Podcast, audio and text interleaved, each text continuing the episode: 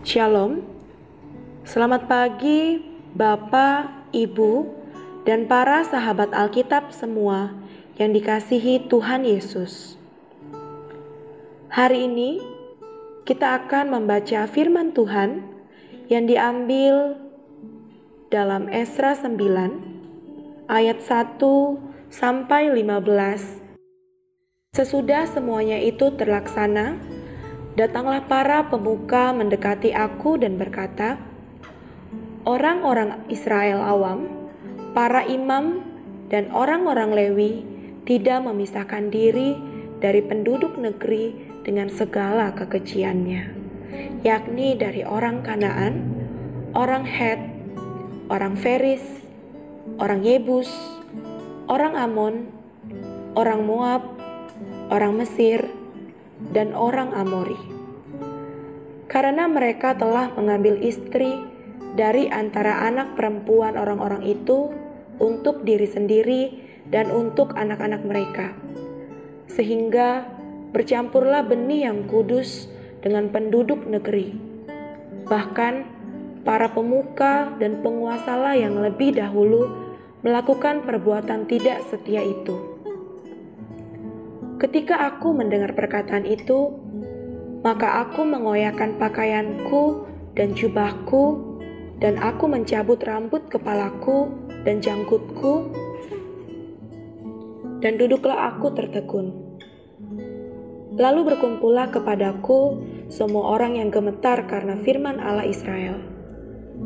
Oleh sebab perbuatan tidak setia orang-orang buangan itu, tetapi aku tetap duduk tertegun sampai korban petang.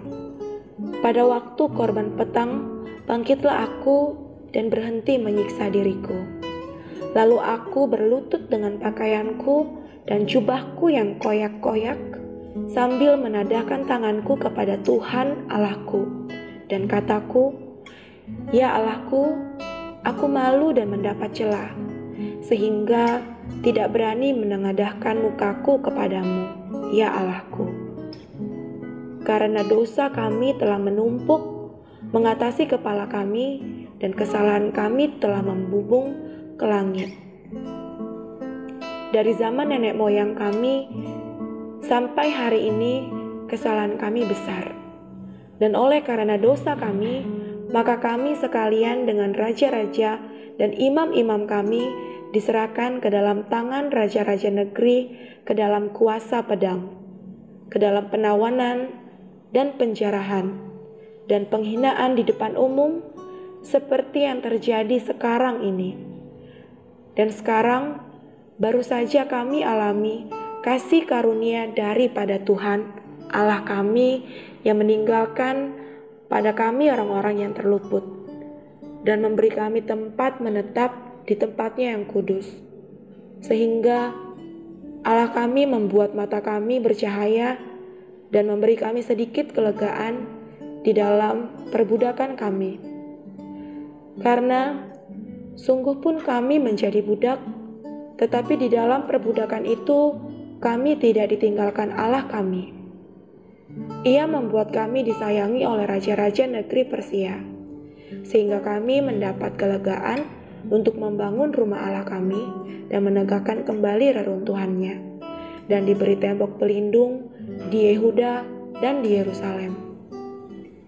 Tetapi sekarang, ya Allah kami, apa yang akan kami katakan sesudah semuanya itu?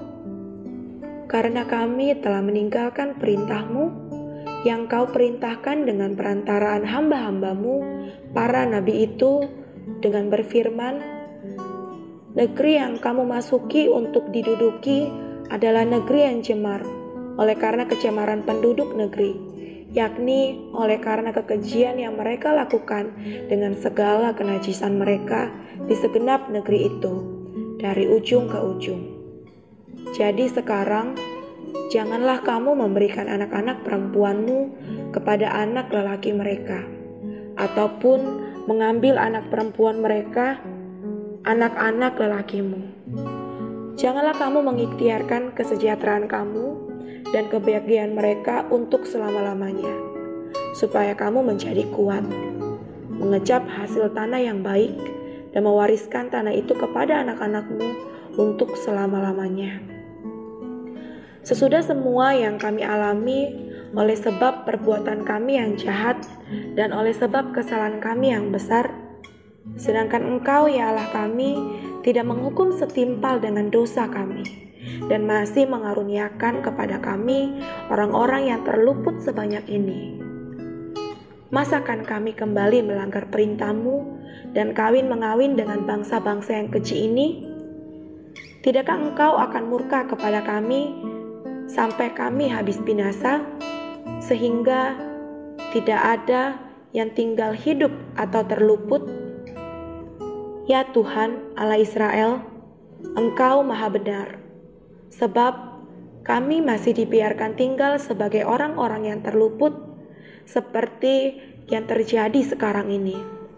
Lihatlah, kami menghadap hadiratmu dengan kesalahan kami.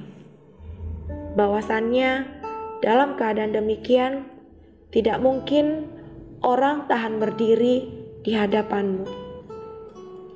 Demikian pembacaan Alkitab kita. Tema renungan kita saat ini adalah pertobatan dan teladan hidup sebagai orang percaya. Seseorang bertanya kepada saya, "Mau ke mana?" Mengikuti ibadah. Lalu saya balik bertanya, "Mau ikut?" Dia terdiam sejenak dan menjawab, "Saya masih banyak dosa, gak hidup kudus, masih banyak buat salah."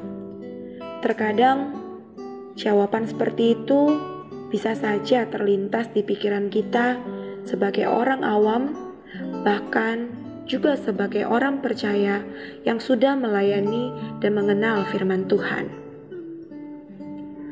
Bagaimana respon kita ketika melihat orang lain melakukan dosa? Apakah maklum berpendapat bahwa tiap manusia punya kelemahan? atau marah sekaligus berduka karena kesalahan yang dia perbuat? Belajar dari keteladanan hidup Ezra, seorang imam, pemimpin yang taat, beriman, dan memiliki kasih yang mendalam kepada firman Tuhan. Ezra berdoa kepada Allah dalam kerendahan hati. Ayat 3, 5 sampai 6 10 ayat 1. Walaupun Esra tidak melakukan kesalahan, ia tidak marah, menyalahkan siapa pun, tetapi berkabung dan mengharapkan pengampunan dan pemulihan umat Israel. Ayat 9 8 sampai 9 12 sampai 14 Esra menyerukan perubahan ayat 9, 13 sampai 15. Pertobatan didasari dari rasa penyesalan, bukan pembelaan diri. Dosa mengintimidasi diri kita sehingga membuat kita tidak layak.